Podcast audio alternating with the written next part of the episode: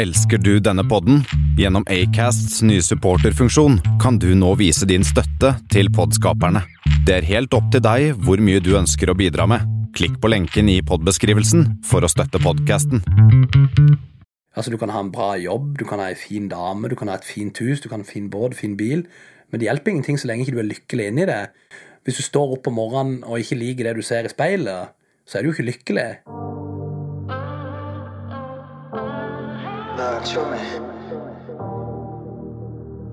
It is God's law.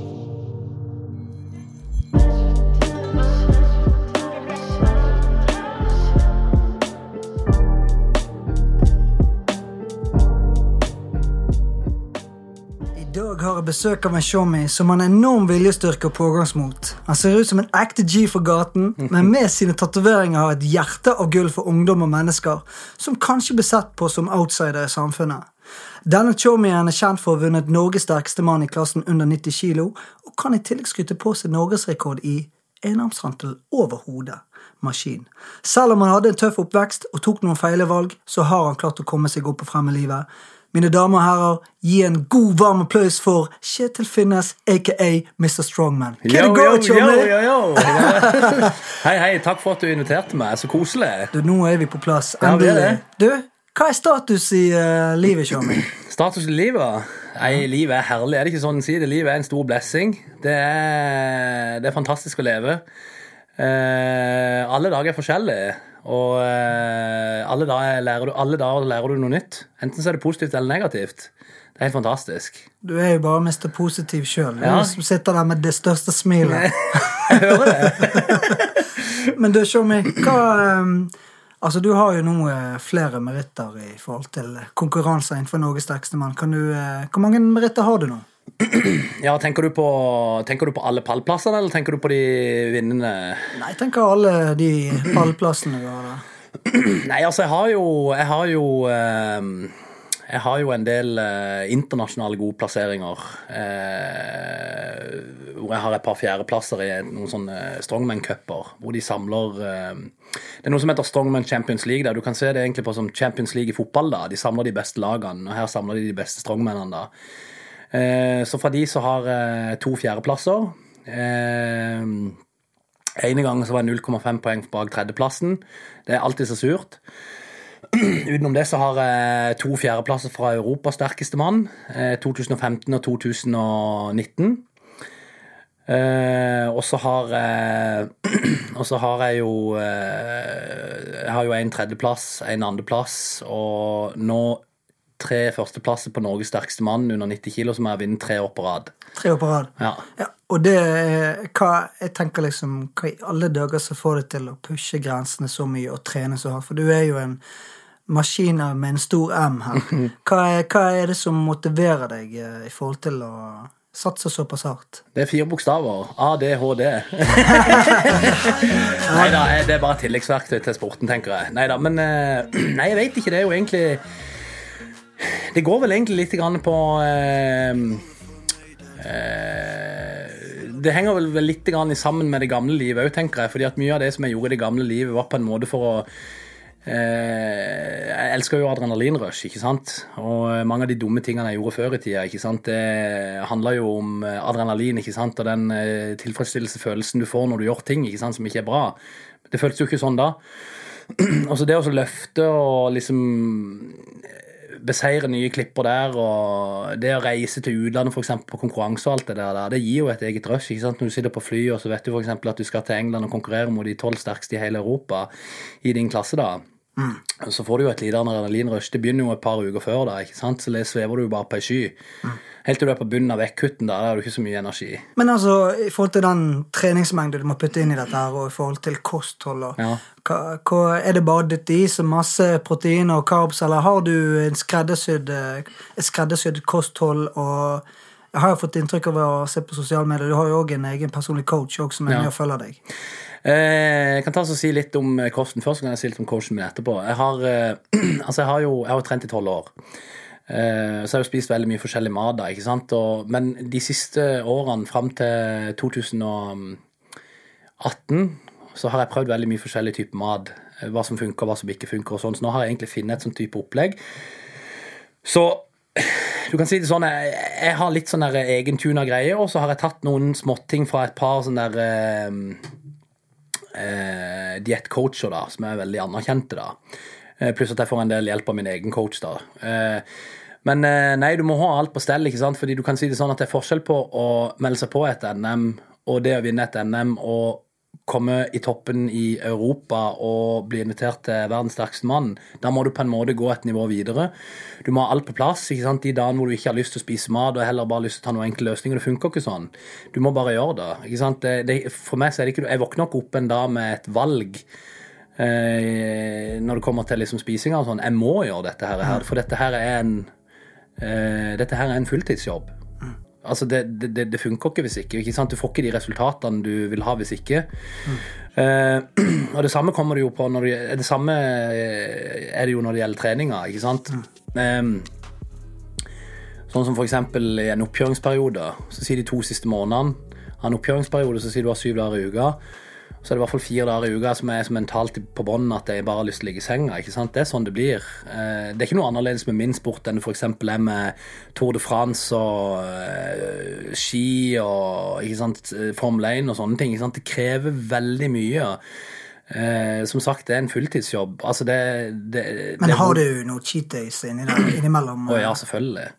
Det har jeg. Jeg er veldig sånn at hvis jeg har lyst til å spise noe noe annet enn da, i tillegg til det jeg spiser da, for jeg passer alltid på å spise det jeg skal, men hvis jeg eksempel har lyst til å spise en boks med iskrem en dag da, så gjør jeg det. Fordi at jeg har lyst. Det går ikke utover prestasjonen neste dag på treningen? Nei, for du kan si sånn, jeg driver ikke med bodybuilding, ikke sant? Så fordi om, ikke sant, i en, sånn som det er med bodybuilding da, for eksempel, mot en konkurranse, så skal du jo være veldig strikt med hva du spiser. Eh, og sånn som det er med min sport, du må jo òg det når du begynner å kutte vekt, men det er alltid greit med litt ekstra kalorier og carbs og sånne ting. Pluss at eh, vi er vel alle enige om at eh, når du spiser veldig rent, så er jo sukker veldig positivt påfyll for hjernen din. Og det henter du, Er det energidrikken du får det fra, da? Eller er det, er Altså- det, ren, eller er det ren sjokolade du tar i deg? Eller? Du, spi Når det kommer til sånne der eh, cheat meals, da, så er det egentlig litt sånn Ja, hva er det jeg liker å spise for noe, egentlig? Jeg er veldig glad i iskrem. Jeg er veldig glad i sjokolade, men jeg er ekstremt glad i chips og dipp. Jeg er et chips og dipp-menneske, men det vet jo du, for vi har jo jobba en del sammen. Jeg vet alt om chips, for å si det sånn. Ja. Eh, Så det er nok det. Og så er jeg veldig glad i eksempel eh, er jo ekstremt glad i sjokoladekake, da. Det er jo, det er jo farlig. Du liker å kose deg. Ja, jeg liker å kose meg. Skikkelig Jeg er kosegutt. Jeg ung livsnyter. Skikkelig kosegutt med ADHD. ja, ADHD. ja, ja. Skikkelig kosegutt Ja, med godt ja. ADHD. Men coachen din, da? Han, eh, hvor holder han til? Er han, eh, er det, hvordan funker det? Må du, eh, er det hver dag han eh, stiller opp for deg, eller hvordan type avtale, jobb, Eh, samarbeid har dere? Hans jobb er jo å få meg til prestere og utnytte Eller hans jobb er jo å få fram eh, det mest atletiske meg som han klarer. Eh, han eh, gir meg en jobb, og så er det meg som gjør jobben. ikke? Hvis ikke jeg gjør jobben skikkelig, så får jeg ikke ordentlige resultater.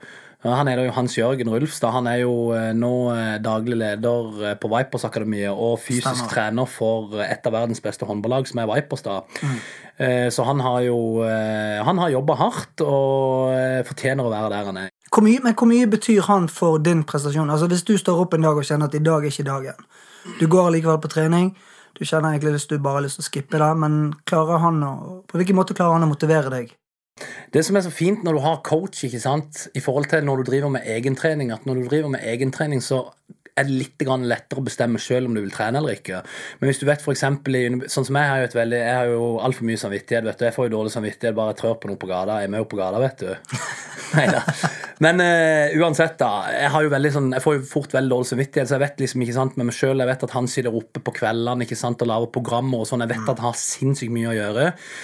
Eh, jeg har rett og slett ikke samvittighet til å skippe treningene heller. ikke sant? Det er litt det det går på òg. Og så er det jo selvfølgelig det er en god blanding av samvittighet og drive. ikke sant? Og I tillegg så er han jo en veldig god venn av meg. Vi har jo blitt veldig close da. ikke sant? Vi har jo, vi er jo, Han er jo en av mine beste venner, ikke sant? Og, og vi har jo, jeg har jo kjent han veldig lenge. Og jeg har jo vært fast atlet hos han i tre år nå. Tre år, ja. Ja.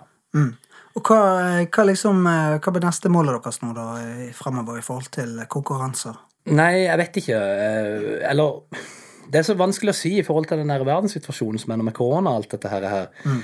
Men jeg er jo kvalifisert til verdens sterkeste mann i USA til neste år, da. Så Det er fett. Ja, så vi Det er ikke alle som kan si det. Var liksom, Nei, jeg skal delta i verdensmesterskap innenfor uh, Mr. eh, Strongman, eller Nei, det er litt sånn gøy det der. der fordi at, uh, Ikke for å spore av, men uh, jeg husker når jeg var liten, da, så så jeg veldig mye på dette her, her på TV. og liksom det var en veldig stor drøm for meg, så det er litt gøy å endelig kan smigre deg sjøl. Ok, Så du allerede hadde disse Ja, tankene som liten kid? Ja, ja. Okay. Vi kan bare prate litt om det når vi prater om barndom og sånn. Der er det mye gøy. skal jeg si det. Så.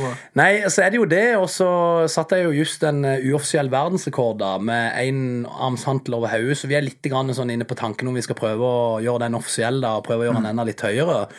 Eh, men eh, som sagt, jeg har ikke fått invitasjon til noe særlig konkurranse som eh, som jeg føler meg motivert til å være med på. ikke sant? Jeg er litt sånn ferdig med sånn lokalkonkurranse og sånne ting. ikke sant? Fordi at eh, du ofrer så veldig mye tid og familietid, penger og det ene. ikke sant? Det er jo ikke en lønna sport med mindre du vinner. ikke sant? Og vinner du liksom klassen din i utlandet, så er det nok til å dekke flybillettene og oppholdet. Skjønner du? Skjønner, men du har jo klart å skaffe litt sponsor også Ja. gjennom å være aktiv på sosiale medier og prestasjonene dine. Hvordan eh, Er det nok til å klare liksom å finansiere at du gjør det her på heltid? Eller gjør Ja. du dette her på heltid i det hele tatt? Ja, jeg gjør det. Jeg gjør det jo utenom jobben. ikke sant? Jobben er jo jobben er jo en viktig ting for meg, for der føler jeg jo liksom jeg har veldig mye å bidra med i forhold til ungdommer og sånne ting. Det kan vi snakke om etterpå.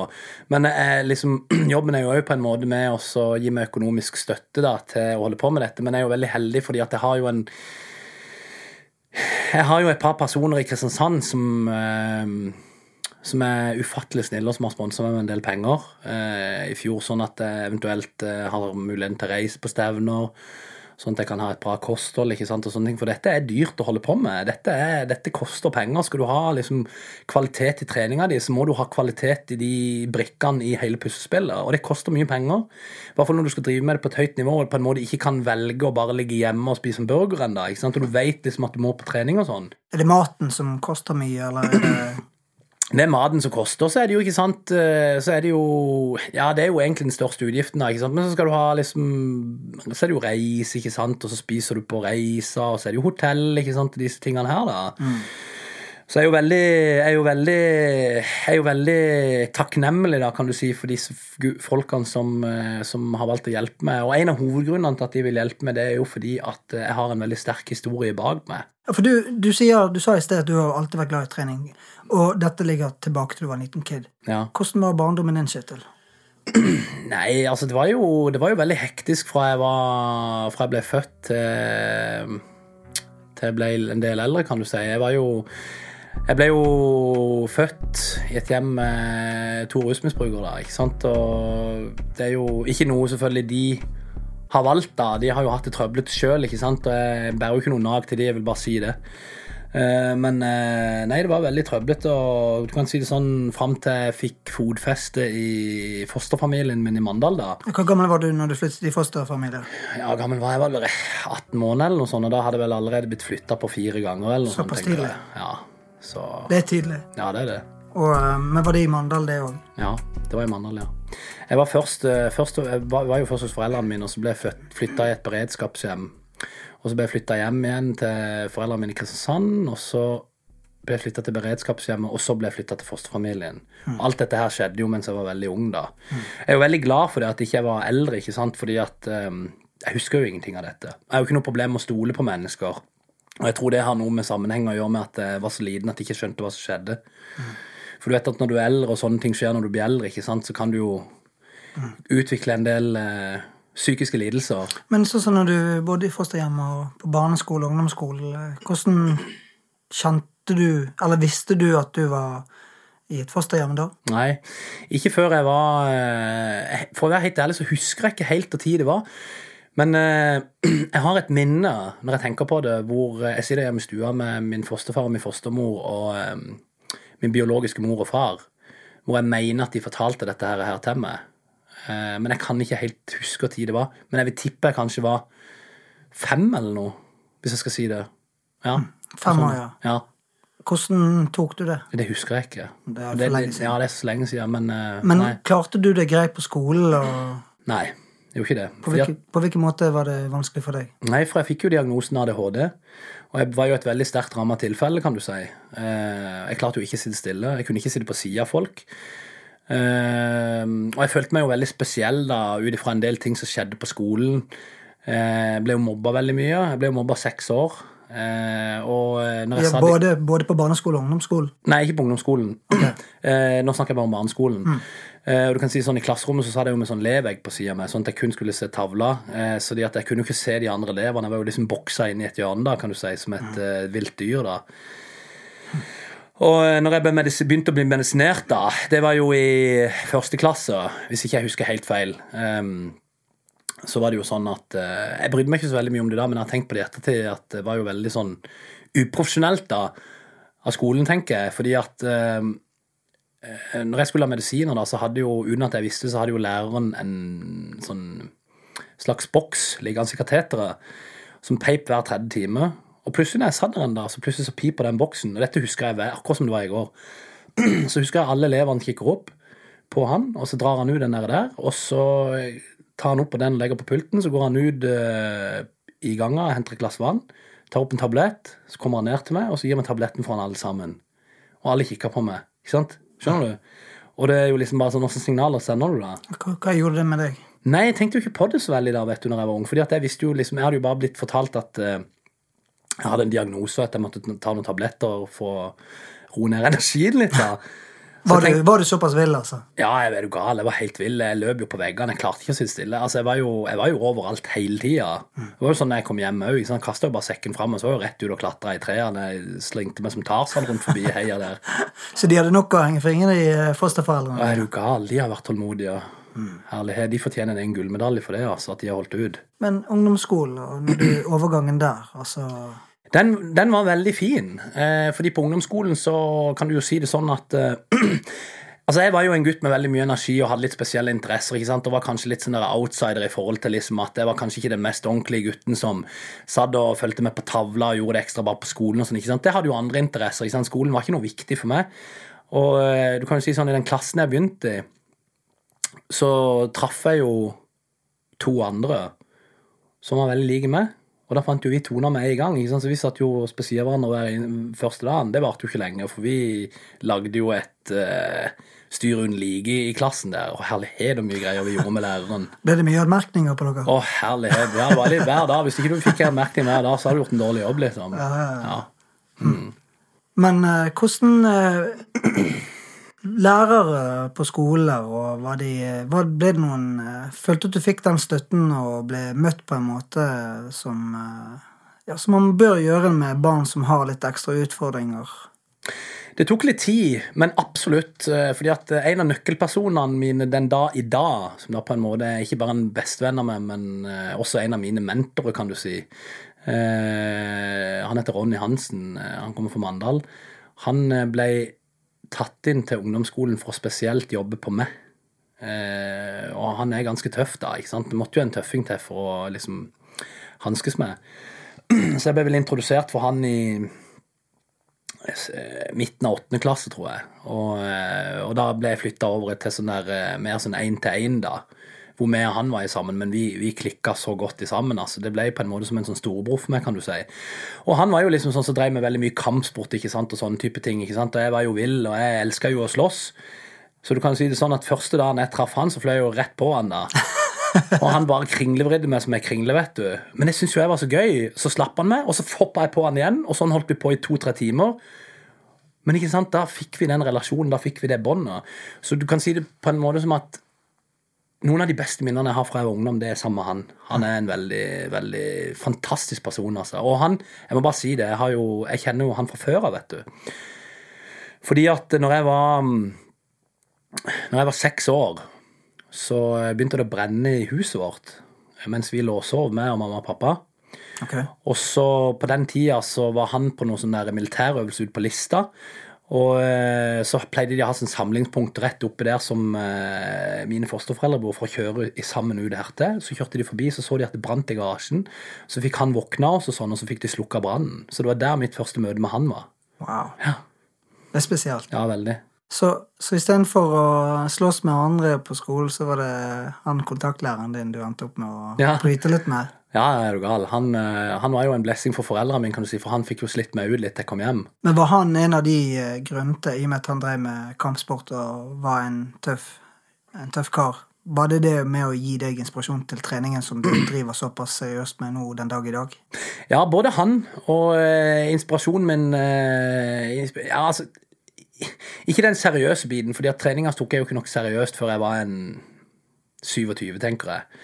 Men eh, jo, han var jo med og sådde noen frø, det var han jo helt klart. Det var jo med han mye på gym, ikke sant. Og alt, grunn, alt går egentlig helt tilbake til når jeg var barn, da. Når jeg var med storebroren min, for han trente jo mye på gym, ikke sant. Og da var jeg jo med han, går jeg rundt der som en femåring, og så er det sånne svære gorillaer som går rundt forbi og står og puster og peser og hyler, ikke sant. Det er jo klart at det gjør noe med det. For meg har det vært positivt. Alle, kan, alle, andre kan si hva de mener og vil. For meg har det vært veldig positivt. Eh, Jeg ser ikke på det som noe negativt i det hele tatt, kan du si. Men uh, hva er det liksom du syns var vanskeligst med din oppvekst? Det har jo Som en voksen person nå, hvis jeg skal si liksom, når jeg har sittet og tenkt tilbake på de tingene der, så det, går det vel å bunne og grunne vel egentlig i eh, at uh, Jeg føl, føler ikke jeg hadde noen å snakke med når det kommer til følelser og sånne ting. Jeg følte ikke det var noen liksom som jeg følte meg liksom veldig spesiell. Det er veldig mye sånne ting, akkurat sånn som, det, som jeg fortalte i stad med den medisineringa? Åpenlyst i klasserommet. ikke sant? Og det der at når du sitter med sånn der eh, eh, vegg foran deg i klasserommet, ikke sant? så ikke du kan se de andre, ikke sant? det gjør jo noe med det. Og i tillegg til det så husker jeg var veldig mye inne på BUP og sånn òg som barn. Jeg husker liksom de skulle eh, kjøre noen sånne diagnoser og noe sånt Men så satt jeg inne på et rom, og så skulle jeg sitte der inne. Det var et helt mørkt rom. Og så var det sånn speilglass, et sånn vindu med sånn speil, så jeg kunne se meg sjøl. Men så sto det antageligvis noen på andre sida. Sånn FBI-greie som du ser i sånn krimfilmer, vet du. Og så hadde jeg masse sånne plugger kobla til hodet mitt. Jeg Jeg vet ikke hva det var for noe. Det var sikkert noe sånn der hjerneskanning eller noe sånt. ja. De tingene her, og jeg var jo der inne på BUP en gang i uka for å bli observert, kan du si. Eh, så det som skjedde der inne, det var det at jeg skulle lege, og så skulle jeg liksom se hvordan jeg agerte og alt sånn i forhold til leg med krigsting ikke sant, og sånne type ting. da. Eh, hvordan jeg reagerte i humør når jeg tapte, ikke sant, og alt dette her. Og, og det er jo klart det at eh, de har jo sikkert ikke tenkt, Systemet har jo sikkert ikke tenkt at de skulle gjøre noe feil, men når jeg sitter og tenker på det som voksen, så er jo alt dette her helt feil. Jeg burde jo hatt mer informasjon som barn. Det gjør jo ingenting. Og jeg burde ikke følt meg så spesiell på en negativ måte. Du merket og opplevde at Eller skjønte at du, du er annerledes. Ja, ja, absolutt. Gikk det utover eh, ditt humør og Ja, ja. på en måte din selvfølelse? Altså, var du eh, Sånn som når tenårene kom og, og Ja, når puberteten er i sving, da vet du at da begynner ting å skje, ikke sant? Og på hvilken måte var hverdagen for deg da? Nei, altså, det, begynte jo eh, Det begynte jo egentlig Det begynte jo egentlig litt før det, eh, når jeg var barn, kan du si. Pappa jobba i Nordsjøen, så vi hadde jo god økonomi. Men eh, pappa måtte jo stoppe i Nordsjøen og komme hjem og være med hjemme. Fordi at eh, når jeg klikka, så angrep jeg jo mamma og sånn, vet du. Altså, fordi at Fosterforeldrene dine? ja, ja, fordi at det svartna jo helt for meg når jeg, når jeg klikka. Liksom. Det var liksom sånn eh, Jeg husker liksom ikke hva som skjedde når jeg klikker, eh, som barn, da. Eh, og så var jeg jo i avlastning eh, hos noen veldig hyggelige folk som bor i Mandal på en gård. Eh, der trivdes jeg kjempegodt.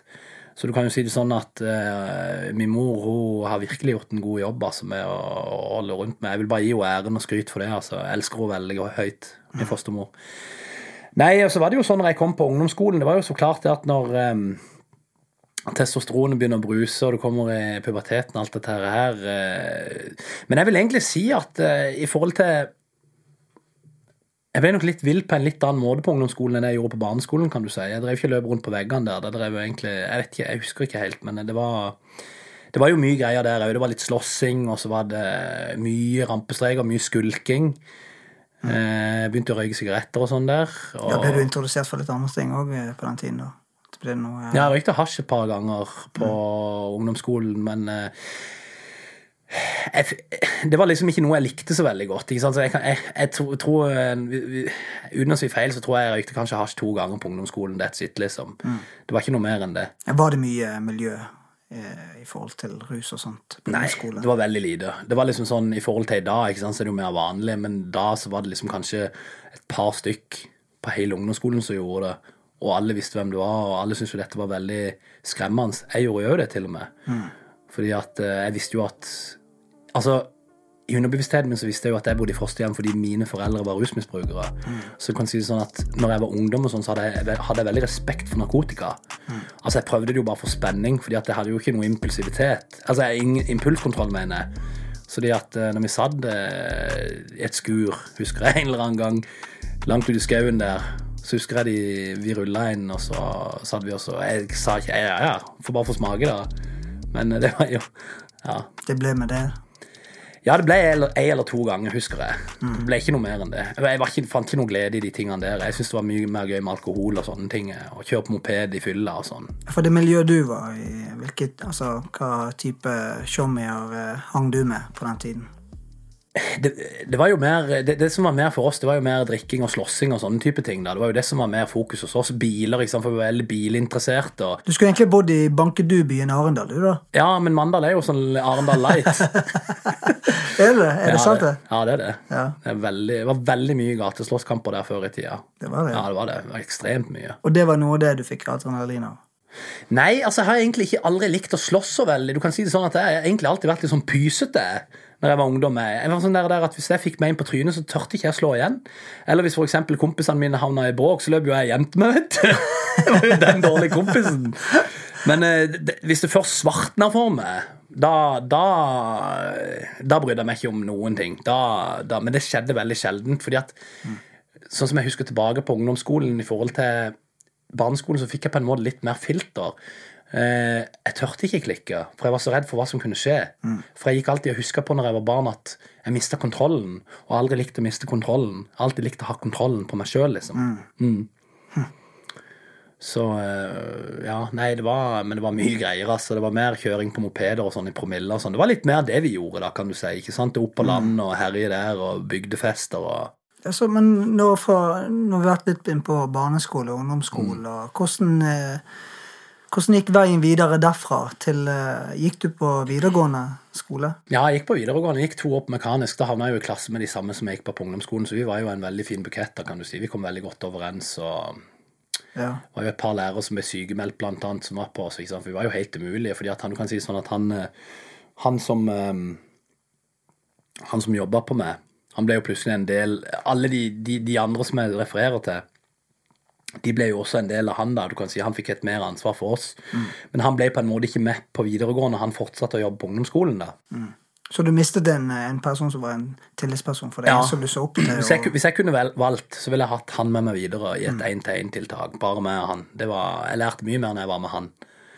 Han. Jeg ble mye mer stimulert da jeg var med han, kan du si, for han så meg på en helt annen måte. ikke sant? Vi snakka samme språk. Han var ikke bare den der fagpersonen med utdanninga som, som skulle prøve å si å være pedagogisk med en som ikke klarte å følge med på hva han sa for noe i det hele tatt. Fordi at han han bydde så mye på med seg sjøl at han ble en veldig interessant person for meg. ikke sant? Vi gikk på trening, og hvis for han en da merka at jeg var veldig sånn vill, da, så gikk vi en tur i skogen ikke sant, og sånne ting og snakka. Og vi snakka en del om følelser og tanker og sånne ting, og han gikk snakka med meg om barndom og sånn. ikke sant? Han har ikke noen fagutdannelse, men, men han visste hva han skulle gjøre. sant? Skjønner du? Eh, men ja, tilbake på det du spurte meg om, da. Det var jo det at du, du eh, klarte å fullføre skolen, og det gikk det greit? jeg fikk jo ikke bestått da. Jeg gikk to år eh, i Mandal. Eh, og så gikk jeg ett år i Farsund på en sånn der eh, nerd, datanerdlinje. Det gikk jeg, jeg meldte meg egentlig bare inn på, i den der eh, linja der fordi at jeg ville slappe av litt. Ja, klarte du å slappe av, da? ja, ja, det har klart jeg slappe Eller hadde du energidrikken ved siden av? Det er jo litt sånn, det er litt sånn funny, for med en gang man hører ordet ADHD, så tenker man energidrikk, bånn mm. tekno på øret. Ja, ja, det er litt, det er litt sånn. Og veldig høyt stemmenivå. Ja, det er litt sånn. Er, Det, er det myte, eller er det, er det fakta? nei, det er veldig fakta. Er det? Ja, det er liksom sånn. det- Har du med deg eh, energidrikk i dag? Nei, ikke da. Du glemte Jeg har drukket en på veien. To? Nei. Nei, du kan si det sånn at det er jo sånn at du har jo ikke Og så har du ikke helt kontroll på stemmen din alltid når du sitter og prater. Sånn, så hvis du prater om ting som gjør deg veldig engasjert, da, så plutselig kan du begynne å prate høyere, ikke sant, og sånne ting, og så må liksom folk slappe av litt. Jeg tror de som lytter på denne podcasten her kommer til å registrere litt grann med lydbølger. Ja. Ja, da, men, eh, nei, men i hvert fall du, du Så du, du, du fullførte skole, men du fikk ikke bestått. Nei, jeg gjorde ikke Men du fullførte, da. Ja, jeg gjorde Du det. prøvde jo så ja, godt du kunne. Ja, jeg gjorde det. Men, men hvordan gikk eh, veien videre etter og i forhold til eh, miljøet du For du har jo, sånn som jeg har forstått det på deg, Tjommi, at du har jo du har jo levd et litt sånn gateliv. Ja, jeg har jo jeg har levd et veldig tøft liv. Det har jeg. Nei, etter det så var det jo sånn at eh, jeg hadde ikke så lyst til å jobbe etter dette. Jeg hadde jo bare lyst til å ligge og sove på morgenen. ikke sant? Og, og så var det jo Så kom jo Nav og sånne ting òg til Norge. ikke sant? Og før i tida, når det het A-etater Husker du det når det het A-etat Ja, før ja, du skifta til Nav? Så var det jo sånn bare sånn du kunne registrere deg, så fikk du 10 000 i måneden uten å gjøre noen ting. Det Skjønner du? husker ikke jeg. Nei, jeg husker det veldig godt. Jeg kan ikke forklare. Nei, Men eh, jeg husker det. Det var sånn det var før i tida, før det begynte å bli strengere. Og takk Gud for at det er blitt strengere. Du. Vent litt, var det de grønne, stygge konvoluttene du måtte brette og sende inn og sånt? Var ikke det? Var ikke noe Med sånt? meldekortene? Ja, det var det. Stemmer det. Ja, det var Ja, det var de grønne konvoluttene. Ja. Vært var, var du glad i de konvoluttene? Eh, Mamma ordna alt. med. Hun ordnet alt. Ja. Ja. ja, var det fordi du ikke gadd, eller var det fordi du lå og sov? Eller, eh, Nei, måtte du ha en energidrikk før du kunne gjøre det? Nei, når jeg først kvikna til, så kvikna jeg til. Men jeg var veldig giddaløs. Mm. Sant? Jeg hadde ikke noe arbeidsmotivasjon.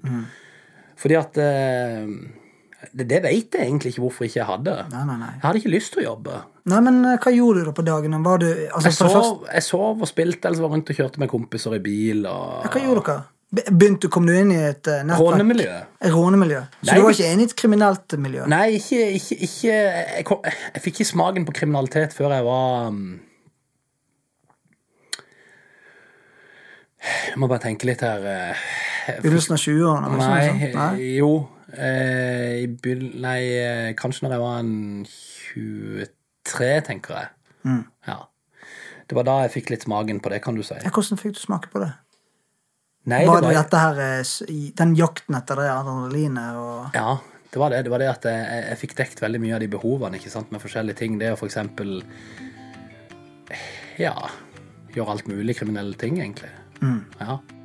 Og det er noe du kjenner du er ferdig med eh, den dag i dag. Det er jo ingen tvil om, for i dag er jo du et, en helt annen person. ja. Jeg er helt 100 Jeg kunne aldri tenkt meg dette tilbake uansett. Du er jo en person som har kommet langt i livet. Og hva er, hva er det som har vært vendepunktet for deg, eh, tror du?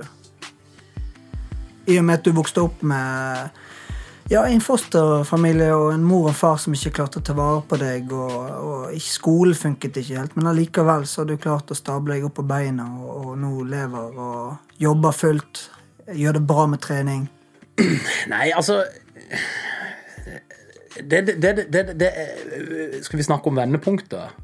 Ja, gjerne Når det si vendte, liksom. Ja, hvor, altså, det trenger ikke være én hendelse, men det, Det var sånn, en hendelse. Det var en hendelse. Ja, Ja, det det, er litt interessant å høre. Ja, jeg, var, jeg ble innblanda i en drapssak en Ja. gang.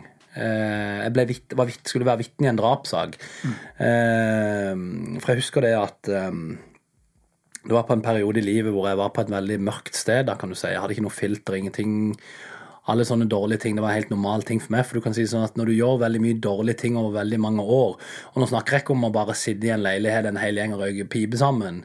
Altså, jeg var mye mer inni det enn dette her, her skjønner du. Altså, det var veldig mye heavy greier, og eh, for å skåne min familie og litt sånn forskjellige ting, så har jeg ikke lyst til å gå så veldig mye inn på detaljer på veldig mye forskjellige ting. Eh, I og med at jeg regner med at de kommer til å høre dette her, for jeg tror aldri de har skjønt hvor ille det egentlig var. Mm. men eh, det er jo ikke noe jeg sitter og sier for å få noe status og respekt av folk, det er jo bare sannheten, ikke sant? Men uh, anyway, da, så uh, så var jeg jo Jeg var jo sammen med ei i seks år, uh, og jeg husker en gang jeg var på trening. Og så ringer hun til meg en dag, og så sier hun til meg at det var syv uniformerte politifolk som var på døra hos henne for å hente meg. Og jeg skvatt jo veldig, vet du. For dette har jo alltid vært veldig forsiktig opp igjennom eh, ja, mye forskjellig. Eh, så jeg fikk jo veldig støkken i meg, da, kan du si. fordi da begynte jo jeg å kverne. ikke sant? Så jeg tenkte på liksom, hva i alle dager er dette her, her for noe? ikke sant? Jeg har jo liksom aldri jo, vært uforsiktig, da, kan du si, eller gjort noe dumt da, som jeg kunne fått veldig lett igjen for på negativ måte senere i livet.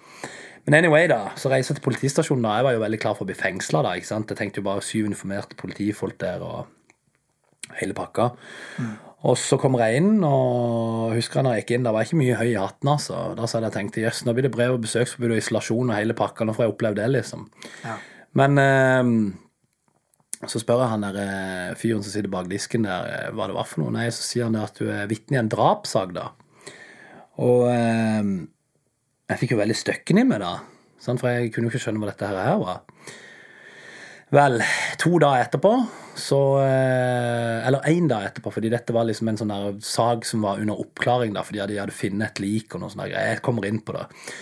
Eh, Men anyway, er bare for å gjøre den historien kort, da. Det, det, det som det viste seg at det var Grunnen for at jeg var kalt inn som vitne, da, det var fordi at når jeg hadde bodd på Østlandet, så hadde jeg hatt med et vennepar å gjøre. Eh, Jeg vil ikke si navnet på dem.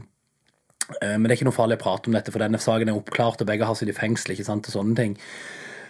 Men det som hadde skjedd, det hadde skjedd en episode hvor det var et menneske, var et menneske som hadde blitt drept da, eh, og dumpa i ei elv. Eh, og så hadde politiet klart å finne ut av dette her, lenge etterpå. Og akkurat i det tidsrommet når dette skjedde, så gikk jeg veldig mye sammen med dette paret, da, kan du si. Og eh, så ville politiet, spør, ville politiet ta meg inn i forhold til om jeg hadde noe informasjon om dette, her, om jeg visste noen ting. ikke sant? Så jeg husker det, jeg kom på politistasjonen, og så kommer jeg opp i, i rommet der, så står det et videokamera der, så ligger det båndopptaker der, så kommer det en dude fra en eller annen sånn spesialavdeling. Jeg husker ikke helt hva det var for noe. Så satt jo der i to og, to, i to og en halv time i avhør, vet du. Men jeg visste jo ikke noe om dette her, ikke sant. Men det var liksom det som fikk meg til å begynne å tenke, da. ikke sant? For da tenkte jeg liksom Jøss, dette her er seriøse, heavy greier, ikke sant. Det er jo, det, det er jo liksom den der eh, Alt det som skjer rundt når det er et liksom når det er en død person som blir funnet, da, ikke sant? og hvor sterke ressurser de setter inn, ikke sant? og hvor mye stress de lager rundt forbi. da, For de må jo det, for de skal jo oppklare dette her.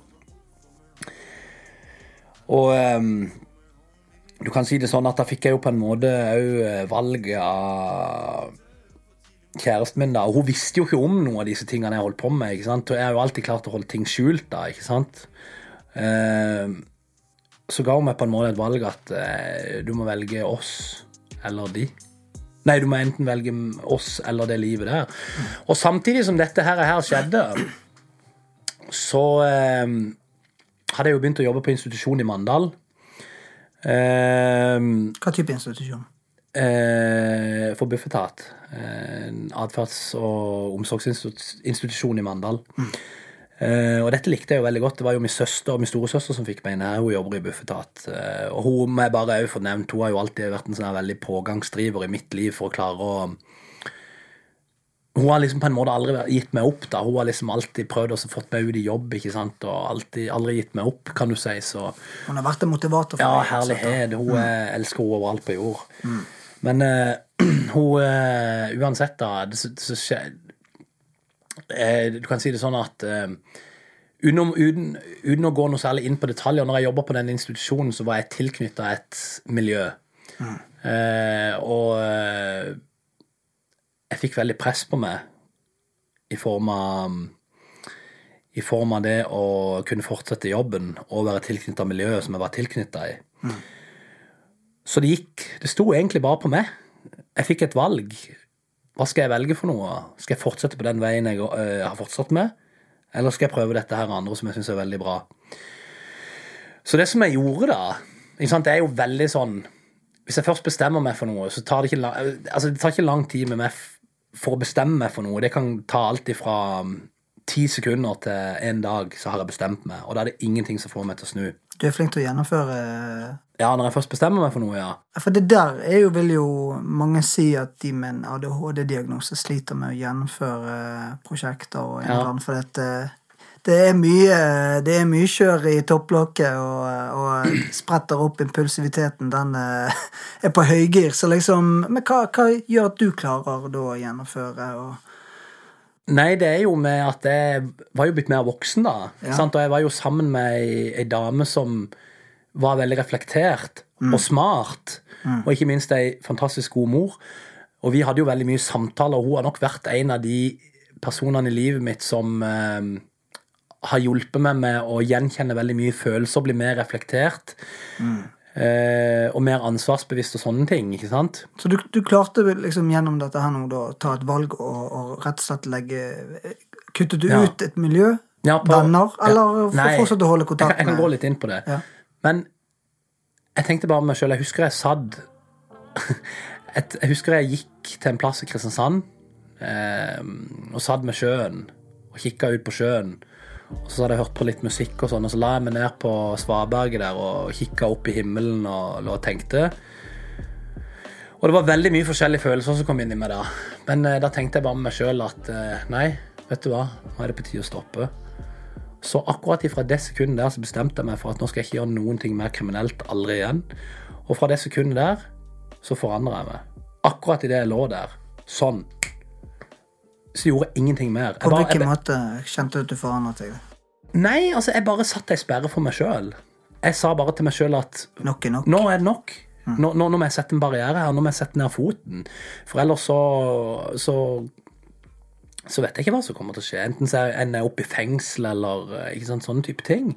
Og, og ja, det er egentlig det det går på. Fra den bestemmelsen der, eh, hvordan ble de neste dagene, ukene og tiden etter det, da? For det er jo greit nok, greit nok det med at en bestemmer seg for en ting, men så krever det veldig mye disiplin og, og, og viljestyrke til å fortsette å stå i det. Altså, For livet er jo fullt av overraskelser, og det dukker opp utfordringer. På hvilken måte klarte du da å ta gode valg etter det? Eller hvilke valg gjorde du eh, etter det i forhold til det miljøet? For, for det første så, så, så var det veldig utfordrende. For det var jo plutselig et behov jeg ikke kunne dekke lenger. Eh, men den spenninga og det adrenalin som jeg fikk av å gjøre kriminalitet. da. Eh, så jeg fikk på en måte ikke noe stimuli. Så det var ufattelig utfordrende. Men eh, jeg ble jo litt mer bitt av denne treningsbasillen, da. Du erstattet egentlig det med trening nå? på en måte? Nei, altså jeg hadde jo starta litt ekstremt litt før jeg stoppa med kriminalitet, da. Men eh, jeg hadde så mye mer overskudd og så mye mer ikke sant, å gi, så du ble på en måte dratt til et helt nytt En helt ny høyde, da, kan du si. Eh, men ja. Og hvordan, eh, for det, Du sa det at du begynte å jobbe på institusjon. Mm. På hvilken måte vil du si at det, det altså din styrke ved å, å jobbe på institusjoner, du har den bakgrunnen du har, eh, merker du at det betyr mye i ditt arbeid? At du har lettere for å forstå ungdom og kanskje forstå viktigheten, uavhengig av alle disse handlingsplanene og målene man setter, så det viktigste er jo egentlig å, å se dem og lytte. Mm. Hva tenker du om eh, hva, hva, er, hva er det viktigste oppgave i jobben? Jeg tenker at bare for å begynne med det, så tenker jeg at jeg har levd det livet jeg har for at jeg skal jobbe med ungdommer og hjelpe ungdommer og hjelpe andre mennesker. Fordi at jeg har fått en smakebit på et liv som har vært ekstremt heavy. Eh, Og det å kunne sitte med en ungdom og prate om livet ut ifra dine egne erfaringer Nå er det jo sånn at Du kan ikke sette deg selv i andre Du kan ikke liksom sette deg i alle slags situasjoner når det kommer dette andre ut ifra din egen erfaring, fordi at vi reagerer jo alle likt på forskjellige situasjoner. Men du kan alltids klare å forstå et annet menneske når det har det vondt, ut ifra en opplevelse de har hatt som du også har opplevd. da. Så det livet som jeg har levd, det har ikke vært negativt for meg på noen som helst måte. Det var negativt for meg da, de handlingene jeg gjorde, og, inni hele det der, der så var det negativt. Ja, det for du var jo ikke lykkelig da. Eller var jeg du? trodde det. Du trodde du var lykkelig? Men eh, det har jo gitt meg så sinnssykt mange verktøy. Det er jo derfor jeg elsker den jobben jeg holder på med nå. Det å jobbe med ungdommer. Jeg kommer aldri til å skifte yrke. Altså, det mener jeg. Det er jo liksom Det er så givende. Det er når du får, et, en, når du får en dyp samtale med en, et annet menneske. Når de åpner seg for det. Fordi de stoler på det. Fordi du, de skjønner at vi snakker samme språk. mm. de vil lytte til det. Det er fantastisk. Det, er- det er utrolig deilig. Det er det. Ja. Og jeg tror jo at uh, Det vet du jo litt sjøl òg. Absolutt. Det er noe med det der at uh, det er greit å ha en stor visjon om hva man ønsker å oppnå i et arbeid med et menneske eller en ungdom, det, men det er jo noe med det å bygge relasjon for å nå en visjon. Ikke sant? Du må, Man må skape en trygghet og ha en gjensidig respekt for Det er jo veldig viktig i forhold til det med respekt, ikke sant. Og så er det jo veldig Du må huske på det at eh, de ungdommene er jo som de er av en grunn. De har jo ikke valgt det. De har jo ikke valgt å bli sånn. Alt bunner og grunner jo som regel i barndommen sin og sånne type ting. At de ikke har hatt det greit, de har ikke fått den kjærligheten de trenger. Og de har blitt flytta rundt fra institusjon til institusjon. Selvfølgelig de har problemer med å stole på folk, det er jo forståelig. Du trenger ikke være rakettforsker for å forstå det. Men det er liksom det at når du klarer liksom å, å komme inn på de, og, og det beste jeg vet, det er når du har vært for med og jobba med en ungdom i mange år, og så ser du at de lykkes i livet. Det er så utrolig deilig. Men hva er å lykkes i livet, da? Vil, hvordan vil du definere det? Nei, jeg vil si det at eh, det, det bunner jo grunnen grunner for min del. Altså min ting i forhold til det å være lykkelig, er jo det at du har det bra inni det. Altså Du kan ha en bra jobb, du kan ha ei en fin dame, du kan ha et fint hus, du kan ha en fin båt, fin bil. Men det hjelper ingenting så lenge ikke du er lykkelig inni det. Hvis du står opp om morgenen og ikke liker det du ser i speilet, så er du jo ikke lykkelig. Sånn, skjønner du hva jeg mener? Nå, sier jeg, nå sier jeg ikke dette liksom for å rakke ned på de som for eksempel gjerne har litt problemer med fedme, spisevegring, sånn, sånn type ting. Bare sånn for å slukke den brannen der, da. Men det er liksom sånn at det er veldig viktig å jobbe med seg sjøl. Og det er altså liksom den indre følelsen, den indre brannen din. ikke sant? Og skal du kunne elske andre, så må du elske deg sjøl. Men nå, sånn som nå i forhold til det å elske seg sjøl, og du kan jo gå litt inn på det der med at eh, jeg vet at du er en personlig kristen. Mm. på hvilken måte betyr den troen på Jesus for deg? Det betyr veldig mye for meg. På Ja. hvilken måte, da? Det har vært veldig Nei, fordi det har vært, veldig, det har vært en veldig trygghet ikke sant? mange ganger i livet. Til og med før jeg ble sterkere troende, når jeg har vært deprimert og sånn, har satt meg ned og, og, og bedt en bønn, så har jeg, så har jeg veldig Jeg har fått veldig roen over meg, da, kan du si. Jeg har fått en veldig sånn kjærlighetsfølelse over meg som, som er veldig unik. Som jeg på en måte ikke kan legge noen paralleller i andre typer hendelser i livet mitt med. Det er liksom en stor, veldig stor del av livet mitt, og de eh, verdiene som dette her bunner og grunner i, er jo veldig bra, ikke sant? Eh, Har det, vil du si, at uh, troen er med å inspirere deg òg til å bli en bedre utgave av deg sjøl? Så absolutt. Ja. Det er nok den største inspirasjonen min. Er troen din alltid sterk? Ja. Nei da. Nei, du vet jo sjøl åssen det er på troens vei, ikke sant? Det går jo opp og ned. Det er jo ikke, det er jo ikke selvsagt sånn at når du blir kristen eller sånn, Kristen har jo vært hele livet, da. Men eh, fra jeg var barn, da. Jeg begynner jo å grunne i søndagsskole og disse tingene her. Men det er jo ikke sånn at når du, når, du, når du blir en sterk troende, så blir du kvitt alle problemene her i livet. Det er dessverre ikke sånn det funker. Nei, men Hvordan opplever du at du får hjelp av Gud, da? tålmodighet. Stole på. Eh, det å være tålmodig, vente på noe godt. Når, når, du har det veldig, når, du har det veldig, når du har det veldig sårt i livet, så kommer det jo alltid bedre dager. Har du opplevd å få bønnesvar? Ja, ja, ja. Er det sånn at du med en gang du ber en bønn, og så bare Nei, sånn, jeg så er ikke, jeg er ikke, så, jeg er ikke så heldig. Det hadde vært greit. Du har vært tålmodig. nei, for det går, akkurat det går jo på tålmodighet. ikke sant? Vi blir jo testa. Altså, dette her med Gud er jo en test. ikke sant? Eh, Hvor sterk du er i troa. Det er ikke sånn at du kan be om eh, eh, økonomisk støtte, og så får du det på, på dagen, liksom. Det funker ikke sånn. Det er ikke sånn at du kan gå i banken og skrive under et papir, så får du penger på kontoen. Det er ikke sånn. Så du, du vil si at eh, lotto, den er ikke Det er ikke lotto hver dag, altså? Nei, det er ikke det. Nei. Men det er de opplevelsene du får som er så fantastiske, uansett hvor lang tid det tar før de, treffer, før de inntreffer. Og det gjør noe med deg. ikke sant? Og veldig meg som er sånn eh, Jeg er jo et veldig følsomt menneske, da. Og det Og da blir det jo veldig ekstra Da blir det jo ekstra sterkt når du opplever disse tingene her, eh, som er så fantastisk. Har du en sterk opplevelse du kunne delt? eh, Ja, jeg har det. meg? Eh, det var en gang så husker jeg jeg skulle dusje, og så Og så eh, dusja alt dette her, får kledd meg, pusser tennene og det, og så skal jeg gå ut av badet. Jeg er jo låst badet, ikke sant, for vi er jo vanedyr. Vi, når du låser eh, badet ni av ti ganger i livet, så blir det jo til at du låser det automatisk. Det er greit å låse døren hvis du skal drite, for eksempel. For at du skal få roen på do. Gleden freden. Ja, anyhow, da. Så um, får jeg ikke opp døra. Låsen virker ikke. Jeg står og vrir og vrir. ikke sant? Det er jo en sterk mann, da. Strong man. Ja, ikke sant? Og jeg har jo ikke klaustrofobi. Men da begynte jeg å kjenne på det. altså.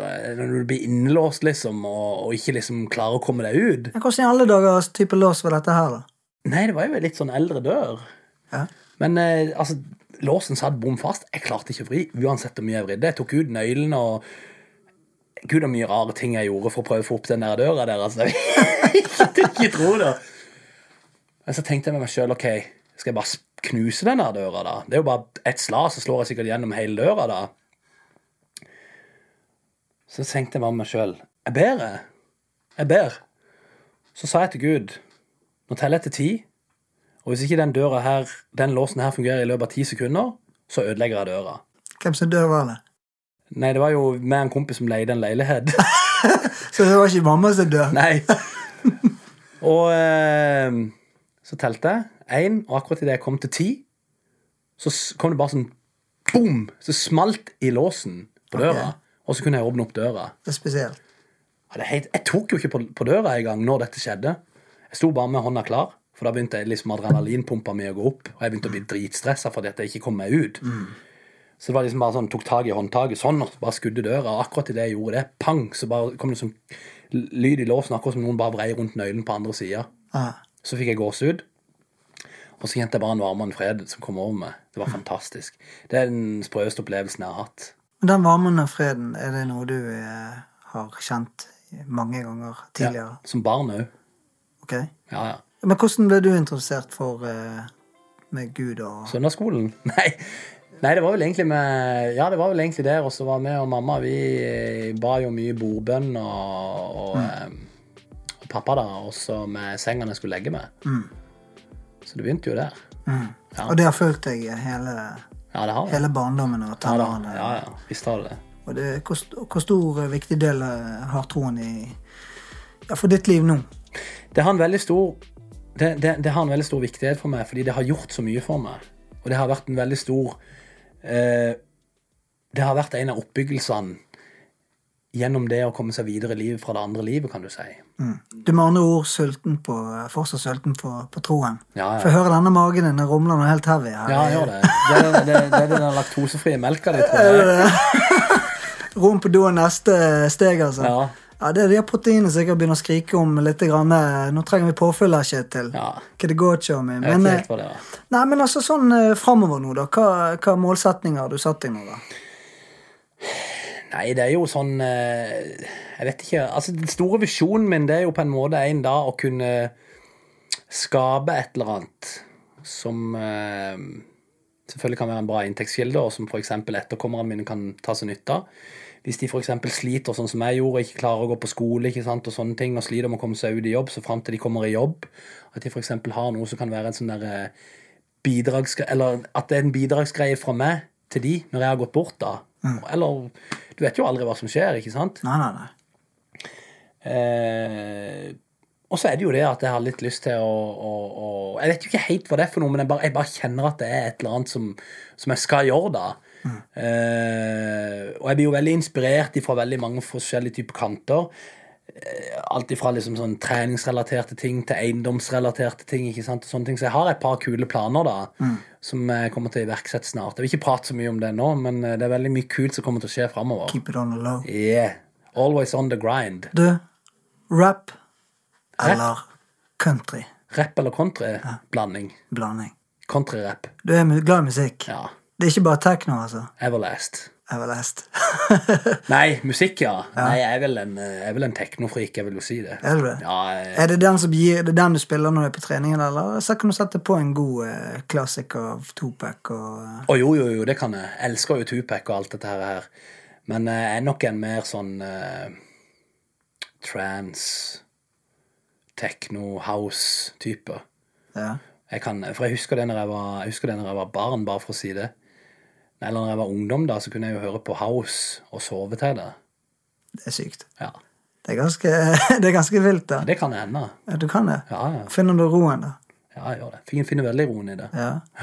Men eh, i forhold til eh, det med ADHD, har du en eh, litt sånn flau, klein episode i forhold til den der For du er jo du er litt impulsiv, ikke sant?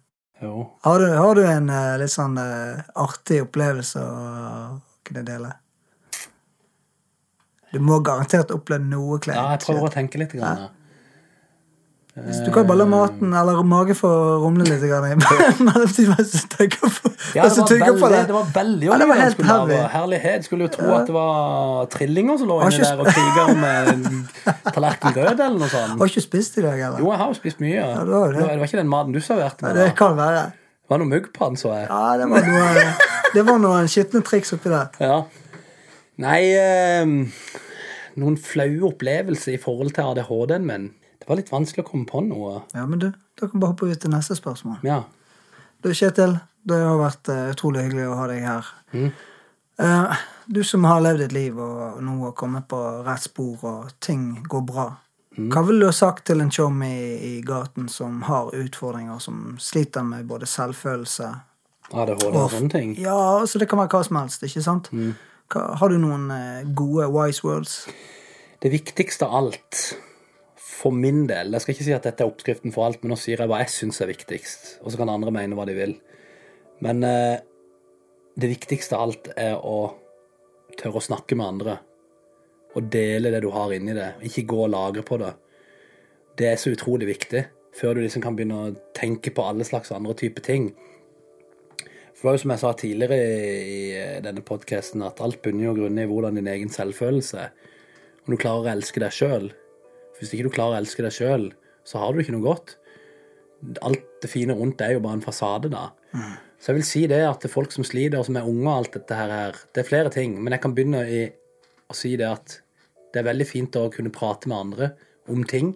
Det er ikke flaut å prate med andre, og det er ikke farlig å prate med andre.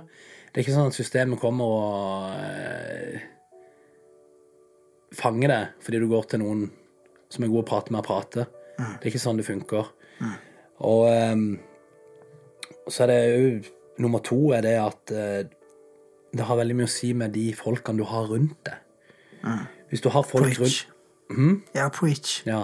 Hvis folkene rundt deg har et Altså har dårlige verdier ehm, Sikkert fordi de sliter sjøl, men eh, hvis dårlige ting blir en for stor vane i hverdagen din, så er det veldig vanskelig å kvitte seg med de vanene. Nå snakker jeg om f.eks. kriminelle handlinger, rus, skulking, sant, disse typer tingene. Hvis du omgir deg med folk som du kjenner har en positiv innvirkning på deg Hvis telefonen min ringer, og jeg ser et navn, og jeg blir glad, så er det et godt tegn. For da har den personen på en eller annen måte en positiv innvirkning på meg. Og dette, jeg vil bare si det, bare så folk ikke misforstår. Det er ikke sånn at jeg føler meg bedre enn andre, og derfor velger hvem jeg vil ha i livet mitt ut ifra det. Jeg er et menneske, og jeg er like mye verdt som alle andre. Ikke verdt noe mer, ikke verdt noe mindre, ingenting. Men jeg kan sjøl bestemme hvem jeg vil ha i mitt liv. Og jeg har bestemt at de folkene som jeg skal ha nærme rundt meg, de skal ha noe positivt å bidra til meg, akkurat som at jeg bidrar noe positivt til dem. Det skal ikke være sånn at det er to stykker som kommer på besøk og stikker et sugerør i hver sin side med og suger meg tom for energi. Fordi at selv med ADHD så har ikke jeg uendelig med energi sjøl. Så tilbake til det. Det går veldig mye på hvem du har rundt deg. Og eh, så må en òg huske det at eh, hvis en gjør ting som kanskje ikke er greit, og foreldrene våre blir sure på oss, så er det bare fordi at de er veldig glad i oss. Det er ikke fordi at de vil skade oss på noen som helst måte. Ehm, ja, Så det går egentlig på det og det å være flink på skolen. Skolen er bare midlertidig. Sant? Gjør en god jobb et par år. Komme seg ut i jobb, og så kunne du slappe mer av. Og så er det selvfølgelig det at har du veldig mye utfordringer, f.eks. det med selvbilde, ADHD og disse tingene der, fysisk aktivitet er veldig, veldig viktig. Det å kunne prøve å ha et bra kosthold. Nå snakker jeg ikke om å spise sånn som jeg gjør, men ikke sant, det å kunne velge Nei, du går lommebok i fortau. ja. men, men det er ikke sant å velge gode ting, ikke sant? for det er jo som er det ordtaket med det bruker veldig mye. Health is wealth. Det er jo det. Visst. Ja. Uansett. Så, så eh, nei, det vil jeg si er de, et par av de viktige reglene.